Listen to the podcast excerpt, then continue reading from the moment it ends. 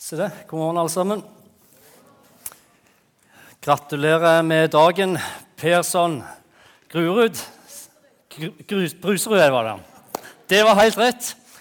Veldig bra. Gratulerer så mye med dagen, og så kjekt å se så mange her. Vi vet jo at det, eller Dere hørte kanskje at det er leir denne helga her. og Eldstedelen av søndagsskolen, over 40 barn, er på leir i eh, bare noen minutter herifra. Så det er fantastisk at det er så mye folk. Vi er inne i en taleserie nå som jeg har valgt å kalle for Det store spørsmålet. Og Grunnen til at vi har valgt å kalle denne taleserien for Det store spørsmålet, er fordi om du leser evangeliene, om du leser om Jesus, så vil du se at i det folk kom og stilte Jesus et spørsmål, og det gjorde de ofte. De gjorde det igjen og igjen og igjen, kan du lese i evangeliene. Folk kom og stilte Jesus spørsmål om det var fattig, om det var rik, om det var fariseer, eller om det var disiplene, de nærmeste som gikk rundt han. Idet de stilte Jesus spørsmål, så stilte han ofte et spørsmål tilbake. Og det skjer igjen og igjen. Han gir det ikke bare kjapt svar, men han gir dem et spørsmål tilbake. Og hvorfor gjør det? Jo, to ting. På den tid var det veldig vanlig i kulturen også å stille spørsmål tilbake. Siden han var rabbi, han var lærer, og de var disipler, de var mennesker som fulgte han, så var det naturlig en del av kulturen at de ble stilt et spørsmål tilbake. Det ene og det andre er dette her, at det, Grunnen til at han ofte stilte spørsmål tilbake, også var det at den beste måten og den beste veien for oss mennesker å finne sannheten, det er som oftest i enden av et godt spørsmål.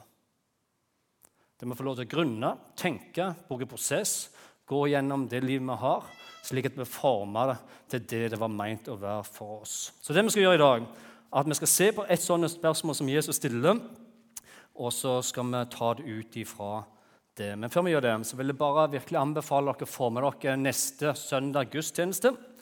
Da det, kommer besøker og gjelling for oss. Og det er broren jeg er veldig glad i. Jeg vet ikke om dere legger merke til det.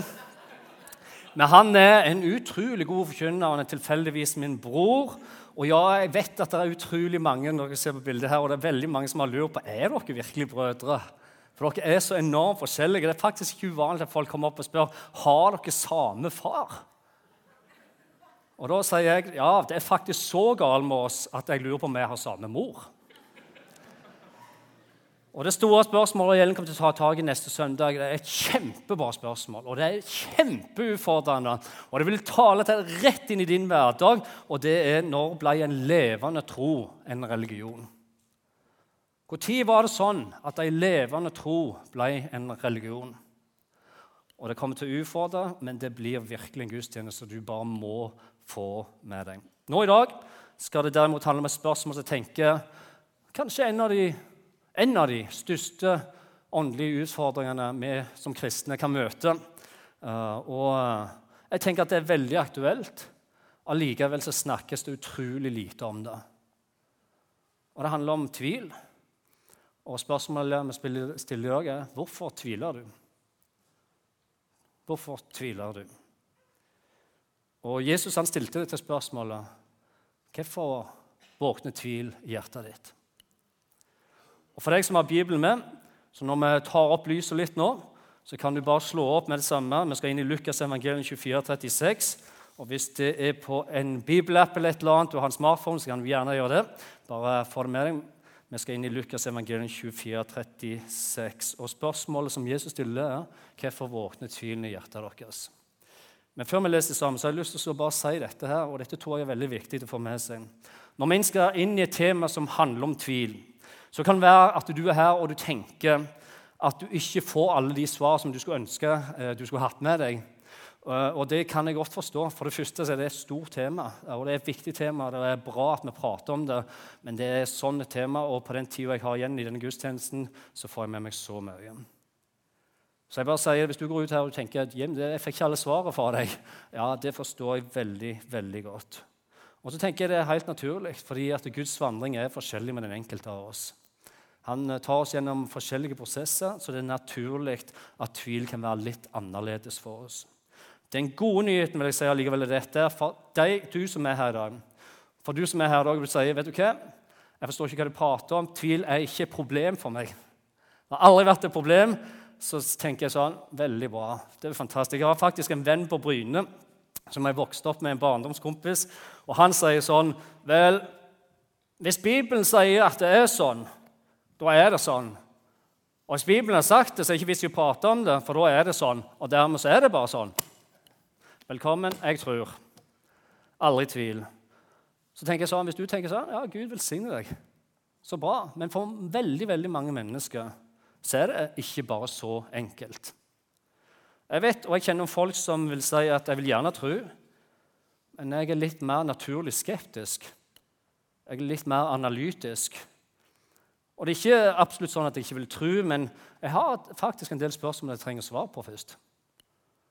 Og For meg personlig så må jeg være ærlig og si det, at jeg flere ganger i løpet av mitt liv har møtt spørsmål som har sådd tvil inn, som jeg sjøl har måttet kjempe meg igjennom for å komme ut på andre sida. Og faktisk, Når jeg ser tilbake til de første årene mine som kristen, så kan jeg huske at jeg noen gang tenkte sånn som dette Tenk hvis, tenk hvis dette her bare tull. Tenk hvis vi sitter en hel gjeng her på møte, og alt er bare en bløff. Og jeg husker jeg tenkte noen ganger i første året, Tenk hvis alle kristne i verden virkelig bare hjernevasker. De bare tror på noe fordi de føler det trygt å tro på noe. Og Jeg husker spesielt en gang på et møte sånn som dette her, når det var tidlig, dette her, bare så du har det med deg, men, men jeg husker jeg la merke til at det sto et stearinlys liksom, på scenen. Det var mange stearinlys, og alle var tent unntagen det ene som ikke var tent. Og når pastoren avslutta talen, skulle til, så begynte han å be, og jeg kjente jeg slei med tvil. Stemmer dette han sier? Så jeg husker jeg så det stearinlyset og så tenkte jeg sånn hm. Hvis det er sånn, Gud, at du er skaper av alt liv hvis du har skapt alt liv, og du har skapt dyr, og du har skapt jord og du har skapt univers, og alt dette her, og det er millionvis av mennesker tror på deg, så er jo ikke dette her en stor utfordring, Gud, å tenne det lyset mens vi ber. Så jeg lukta øynene igjen, og jeg ba, kjære Gud, jeg bare ber om at du skal vise deg. Dette er ingen problem for deg, dette. Det er bare sånn Så er det lys. Og så når jeg var ferdig, så åpna jeg det ene øyet litt, og det var ikke ennå tent. Og så lukte det fort igjen. Og jeg ba litt til. Kjære Gud, please, tenn deg lys. Bare vis at du er den du er. Skal jeg gi hele mitt liv til deg. Og så lukte jeg begge øynene opp. Og så ble det bare sånn at lyset ikke var tent. Og allikevel, her, flere år etter det, så er jeg ennå pastor. Og min erfaring, og all min erfaring sier at tvil, ja, tvil den kommer i alle slags former og i alle slags størrelser. Tvilen kan komme snikende eller den kan komme slående inn over oss mennesker. Og Det er folk som vil si dette. her. Vet du hva? Jeg tviler 100% på Guds eksistens.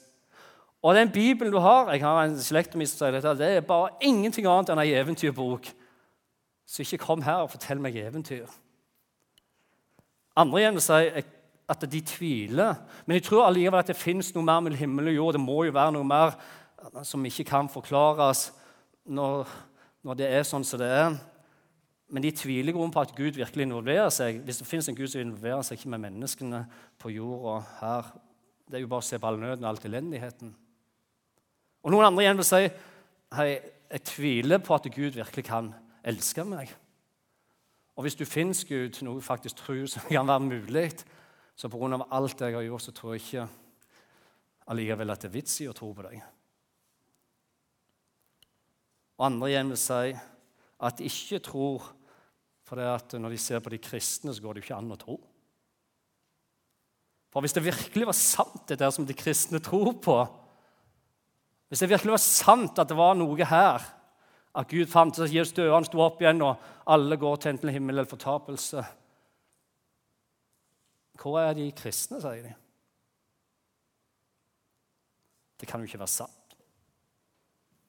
Og Poenget mitt er dette her, at tvilen den kommer i alle slags størrelser og i alle slags former. Og nå vet jeg ikke hva du tenker om dette, her, for dette her, her er vi kanskje veldig forskjellige. Men sannheten er nok at for min del så når jeg ser tilbake på mitt liv, så ser jeg det at det faktisk var helt nødvendig for meg til tider å møte meg sjøl i tvilen, i kamp med trona, og våge å stille spørsmål tror jeg virkelig på dette her. Eller for å si det på en annen måte jeg ville ikke, jeg kunne ikke leve mitt liv basert på en annen generasjons tro. barntro, noe som vennene eller foreldrene trodde på, og derfor så hang jeg med. For meg så var det bare sånn Jeg er nødt til virkelig tro dette. Fordi det er ikke så enkelt å si sånn er det bare, Jim. Nei, nei, bare tro og ikke tvil. Eller for alt i verden ikke tvil, for da kan du miste troen din. Og Dessverre så er nok sannheten det at i møte med en del kristne i min oppvekst så har tvilspørsmål mine da, til tider nesten blitt satt i samme bås som Jem, nå er du virkelig ute å kjøre her. Fy, fy, fy, fy! Ikke snakk for mye om det. La oss bare tro heller. Fordi tvilen ble plutselig troens største fiende. Og det er ikke et tema.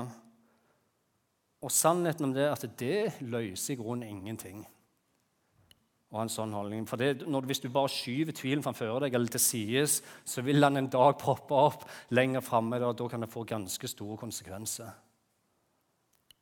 Du ser at tingen er den at jeg har sett venner som har levd en annen generasjons tro, en barnetro, som trodde på det foreldrene trodde, eller venner osv. Og, så og idet de møter en krise i livet, i ekteskap, med barn et tap, sykdom eller valg og retning av livet skulle gjøres. Så istedenfor å søke nærmere inn til Gud, så hadde de en tanke om jeg kan ikke komme til Gud med dette. Det er fy-fy-tema her. Enten så tror du når du kommer inn her, og hvis du tviler, så hold deg borte. Og Det igjen resulterte i at de er ikke med i dag i kirka. Tidligere var de kanskje ledere, de sto på i årevis. I søndagsskole fulgte barna osv. Men på ett stadie så var det ikke rom for deres tvil. Og de fjerner seg. Og Poenget mitt er dette at tvilen den kommer i alle slags former, i alle slags størrelser. Og Du kan enten velge å skyve det bort og gjemme det si det skal ikke eksistere, det skal ikke eksistere, men du gjør det allikevel. Eller du kan ta med deg livet og velge å la den dra deg nærmere inn til Gud og la troa vokse på det. Og Min påstand er i dag da dette at selv om mange vil si at tvilen er selve slutten, det er døden for troen ja, Selv mange vil si at tvilen er troens største fiende, så er min påstand dette at for mange mennesker, og meg sjøl inkludert, så er tvilen faktisk begynnelsen til en virkelig seriøs, overgitt og fundamentert tro. Fordi det tvinger meg til å stille spørsmål tror jeg virkelig på dette her. Så det vi skal gjøre nå, at vi skal se nærmere på en mann som eh, ble merka for resten av livet som den store, store tvileren. Og sannheten er den at eh, selv om han levde for 2000 år siden, og det skjedde for 2000 år siden, så henger kallenavnet enda mer. Og hvis jeg begynner å si Thomas, hva sier dere etter det? Dere sier Thomas Stakkar Thomas, sier jeg. 2000 år etter så heter han ennå Thomas, tviler han. Og sannheten er at det står kun noen få setninger om Thomas i Bibelen. Og ennå til det så er han i dag selve symbolet på at hver tviler er.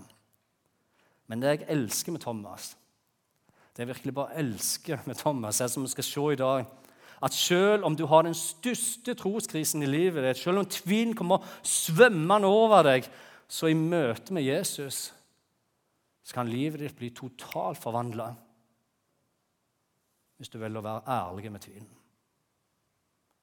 Og det igjen er for meg og deg det største beviset at til og med den største tviler kan bli den største troskjempe en gang der framme.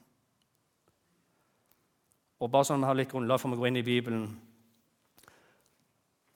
Jesus hadde nettopp stått opp for de døde. Det står det at Han hadde nettopp vist seg for to menn på veien til Emmaus. Og det er her vi kommer inn i historien, og disse to mennene løper mot Jerusalem. De har sett Jesus, og de er på veien i Jerusalem, og de er inn til disiplene. Og du jager liksom Hva er de? Hva er de? Hvor er de? Vi er nødt til å fortelle om det som har skjedd. Og det er her vi kommer inn i historien, og de står og forteller dette her til Jesus. Og du som har med Bibelen, kan slå opp i Lukas 24. Eller Bibelapp Lukas 24. Så skal vi lese sammen. Og kanskje vi skal ha bitte, bitte litt mer lys, så vi ser bitte litt. Lukas 24, 36 og utover. Og det står dette. Og nå må du tenke, Her kommer mennene. Mens de snakket om det, disse to mennene og disiplene, mens de snakket om det, så sto Jesus plutselig midt iblant dem, og han sier, 'Fred vær med dere'. Og Så står det videre at når de så han, så var reaksjonen deres ikke 'Hei, Jesus, velkommen! Det er så utrolig kjekt å se deg igjen.' For det var det ikke. For når Jesus sto der midt iblant dem plutselig, hva var de da? Jo, de ble forferdet, og de ble livredde, for de trodde de så en ånd, de trodde de så et spøkelse. Og hvorfor trodde de det? Jo, sannheten er det. Så klart ble de livredde. Hvorfor? Jo, og vi må ikke glemme dette her. For mange av dem så Jesus dø på et kors, brutalt og meningsløst for dem. De så han bli tatt ned ved korset, de hørte han ble lagt i ei grav. Han var virkelig, virkelig død. Altså, jeg mener død. Ingen liv. Så når han plutselig står midt iblant de der, og Hvis vi òg hadde vært i det rommet da, den dagen, der, så kan jeg love deg at hvis jeg hadde stått med stolen, så hadde jeg falt av den stolen. Det er sjokk. Plutselig så står han der framfor dem, og de ble forferdet, de ble redde, for de trodde de så, noen, de trodde de så et spøkelse. Så står det videre, Men han, altså Jesus, sa til dem og Her kommer det store spørsmålet. Er du klar for det store spørsmålet? Hvorfor har dere grepet av angst? Og Det er nesten sånn når du leser videre, at du kan høre kjærligheten og omsorgen til Jesus som bare møter de her. Hvorfor har dere grepet av angst? Hei, gutter. Hvorfor våkner tvilen i hjertet deres? Har dere, har dere glemt det? Husker dere ikke hva jeg sa til dere? Så dere ikke jeg åpna de blindes øyne? Husker dere ikke hvordan jeg åpna de døves ører? Så dere ikke hvordan jeg reiste opp den lamme? Og Husker dere jeg sa til dere at en dag så skal jeg dø, men tre dager seinere skal jeg komme inn og så skal jeg møte dere igjen? Husker dere ikke, gutter? Hvorfor tviler dere? Hvorfor har hjertet deres skrevet av tvil? Og så fortsetter Jesus. Kom og se, gutter. Se, dette er meg. Se på hendene mine. Kom og se. Se på føttene mine. Det er meg. Ta på meg og se. Og vet ikke hva du tenker om dette, her, men det som er utrolig interessant her, for meg i hvert fall, er dette. Gjett hvem som ikke var på det møtet den dagen der. En mann var borte. Lyst til å gjette? Thomas. Thomas var ikke til stede. Og hvordan vet vi det? Jo, fordi Hvis vi har på Johannes evangelium 20, 24, så står det dette her. Thomas, en av de tolv, han som var kalt tvillingen, var ikke sammen med de andre disiplene da Jesus kom. Og Det står ingenting om hvor Thomas var, om han var ute på tur, om han var på fisketur, om han lå og sov, eller om han så en fotballkamp. eller Det står ingenting om han satt på snackbaren, eller om han ikke orker å komme med denne gudstjenesten, for han var høyt pumpa, full av tvil. Det står ingenting om hvor han, hvor han, var. Men det vi vet, er når resten av menigheten samla seg, når resten av gjengen samla seg, og Jesus virkelig møtte dem, så var ikke Thomas til stede. Og hva skjer når du ikke er til stede? Jo, da går de glipp av det som skjer. Og nå kommer pastor inn her. Hold dere ikke borte fra gudstjenestene. For tenk hvis det skjer noe og du ikke får det med deg. Så blir du stående som Thomas. Ja, det er greit at dere sier det, men jeg var ikke der. Så hold dere ikke borte når menigheten samles. Så når disiplene gikk sta, så forteller vi til Thomas Thomas, du vil ikke tro dette. Det står ikke dette her, men det er liksom det som skjer da. Men det de sier, dette Vi har sett Herren. Vi har sett Herren. Hvordan reagerte Thomas da? Nei, ikke med stor entusiasme. Nei. Det var ikke liksom Yes! Nei, for hans reaksjon var dette. Dersom jeg ikke får se naglemarken i hendene hans og får legge fingeren inn i sida, stikke hånden i sida hans, så kan jeg ikke tro. Med andre ord, jeg hører hva dere sier, men jeg var ikke der. Og tingen er at veldig, veldig mange vil si Thomas, hvordan kunne du? Tre år sammen med Jesus, og disiplene kommer i hundre og sier det er sant, alt det Jesus har sagt. Hallo, Thomas. Hva er det som skjer? Og her må jeg bare berømme Thomas. Jeg må berømme hans for hans ærlighet. For det Thomas i Gron sier her, er dette her. Han sier det er vel og bra at du og dere har opplevd det. Men jeg er, jeg er ikke typen som kan leve på annenhåndsinformasjon. Jeg kan ikke bare tro for det at eh, noen sa det. Jeg er nødt til å erfare Jesus. Jeg er nødt til å oppleve, jeg er nødt til å forstå at dette virkelig er sånn det. Jeg kan ikke leve på andre siden i tro. Og Sannheten er at tapet av Jesus var så brutalt og så meningsløst at det rister troen hans, og tvilen kom svømmende inn. Og Sannheten er den at her inne så er det noen av oss som kan si Thomas, det er meg. Og Det kan være noe som skjedde i fortida di. Det kan være noe som skjedde for flere år siden, men det ligger der ennå. Eller det kan være noe som skjer i ekteskapet, som står på noe som skjedde i jobben, eller noe som skjedde med deg du elsker, deg som står deg nærmest. Og du kjenner at dette her Dette håper jeg virkelig at troen min overlever. Og Grunnen til at Thomas tviler og sier det han sier, er dette Når det kommer til Jesus, så må det være skikkelig. Når det kommer til Jesus, kan det ikke være halvveis. Når det kommer til Jesus, så må det være virkelig, sier Thomas. For Hvis det virkelig er sant at Jesus døde, han sto opp igjen for min synde Hvis det virkelig er sant at Jesus han tok dette med seg ned til dødsriket og tre dager sto opp igjen fra de døde Hvis det virkelig er sant, så er han jo Guds sønn. Og hvis det er sant at han er Guds sønn,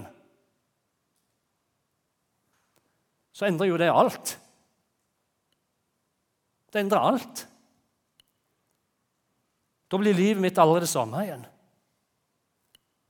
For da kan ikke kristenlivet mitt være et halvveis opplegg som jeg bare henger med pga. noen andre sa noe om det en gang.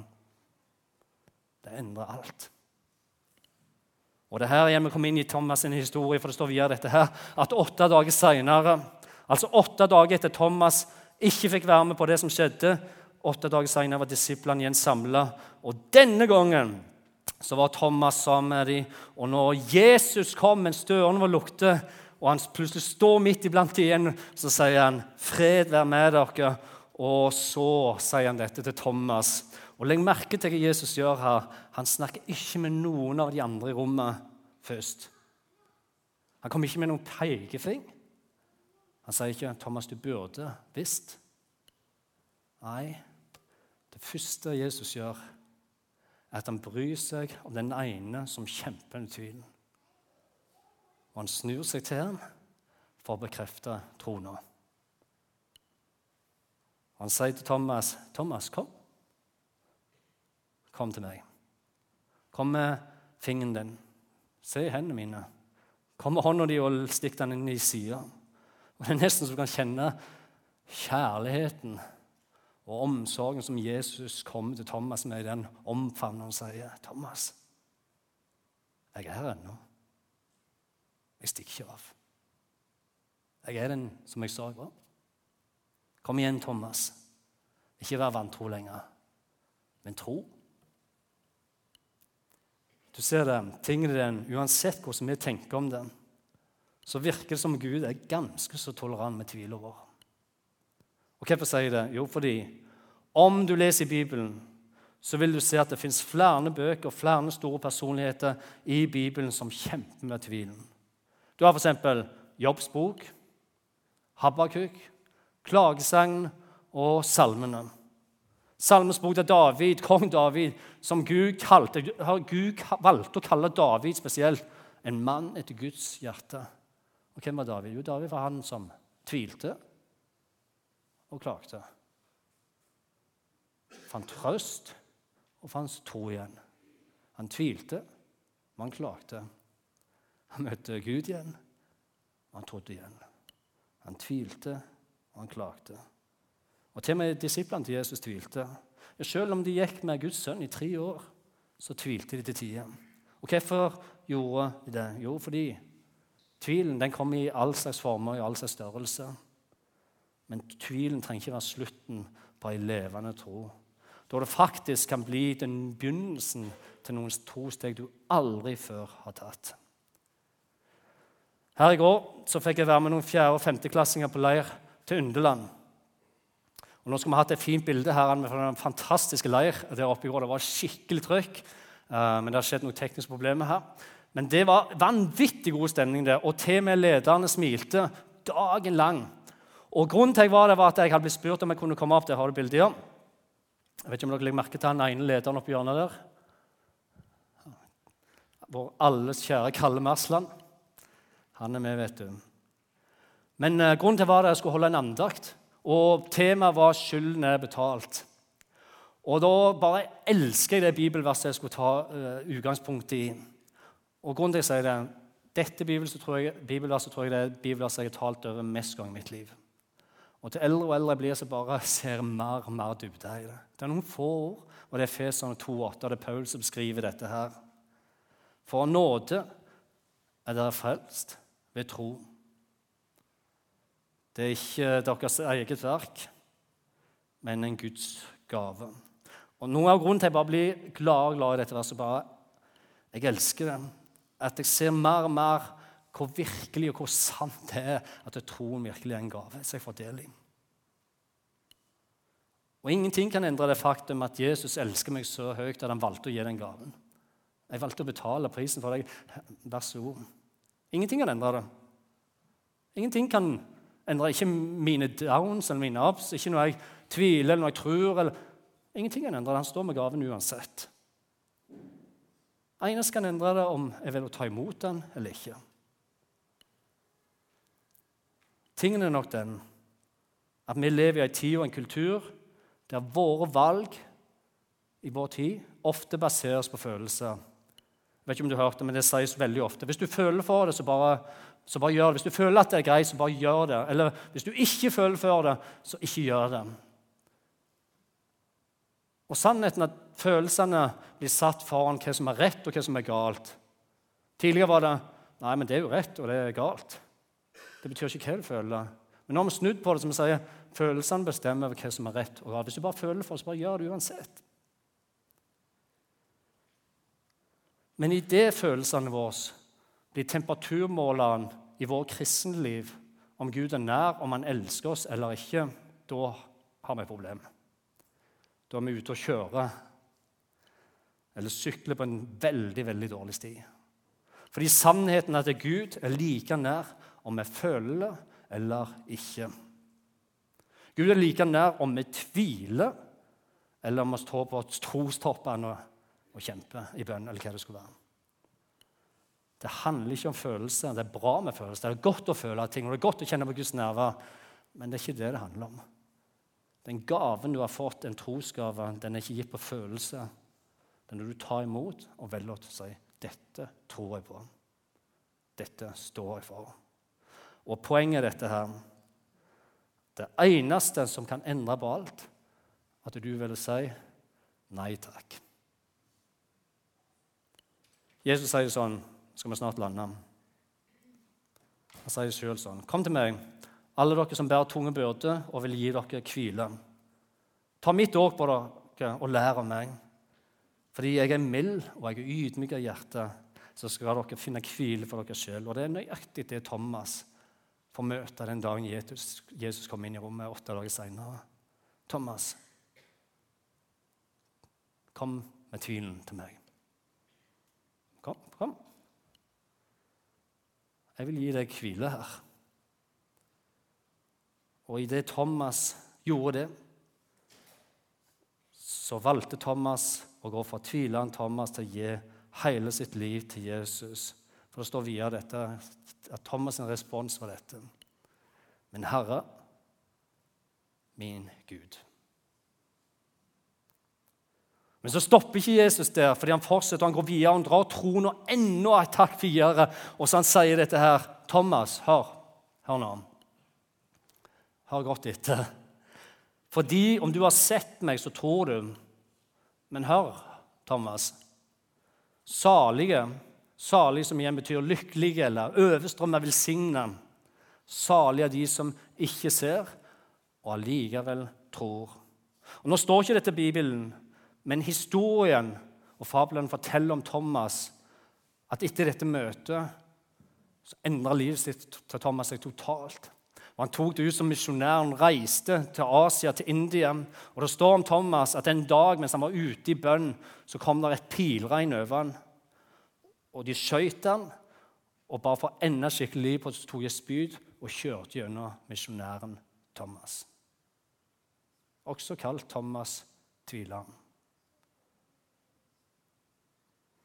Og Poenget mitt er dette at tvilen trenger ikke å være krise for livet ditt. Det faktisk kan være begynnelsen på et trosliv som du aldri før har vært. Jeg vet ikke hva du tenker om dette, her, men for meg så er det virkelig trosstyrkende å se mennesker nå i dag, midt iblant oss, i forsamlingen. Mennesker som ikke trenger å se, som ikke trenger å føle men som tar Jesus på ordet. Som på tross av smerte, på tross av sorg, på tross av sykdom, på tross av fortvilelse, på tross av tap og tvil, allikevel blir værende i trona midt iblant oss.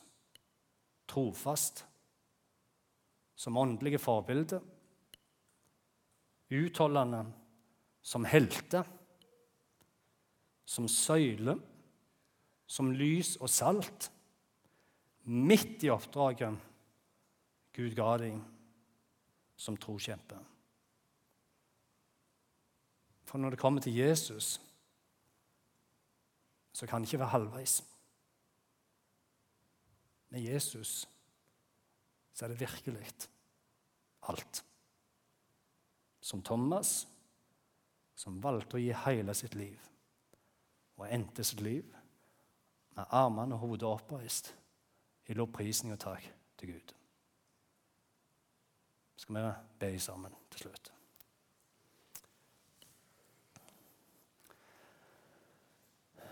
Jesus, jeg bare takker og priser deg her for denne dagen som du har gitt. Og så er det sånn med oss alle mennesker vi sitter her inne, at uh, vi vet ikke dagen i morgen, vi vet ikke hvilket steg og hvor det fører hen, Herre. Men takker deg for at dette er dagen som du har gitt oss alle. Må du hjelpe oss til å verdsette, se lys, se blomstene som omringer oss, de gode tingene, Herre, slik at vi ikke blir stående fast i det negative.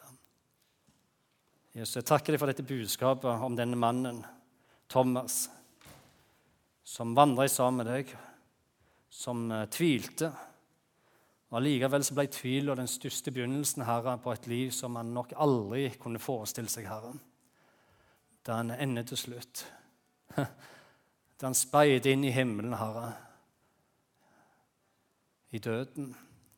Og så møter han deg med åpne armer. Og så sier du, Herre, bra gjort, Thomas. Bra gjort, Thomas. Takk Herre, for at livet er en gave som vi har fått av deg, og det er troen òg. Må du hjelpe hver enkelt av oss, Herre, at vi ikke mister det. At Vi ikke tror tvilen nødvendigvis er død for troen, men det kan være en begynnelse til noe nytt. Så takker jeg for alle som er her. Jeg takker for familie, enslige og alt. Må du bare fortsette å velsigne oss, Herre. I Jesu Kristi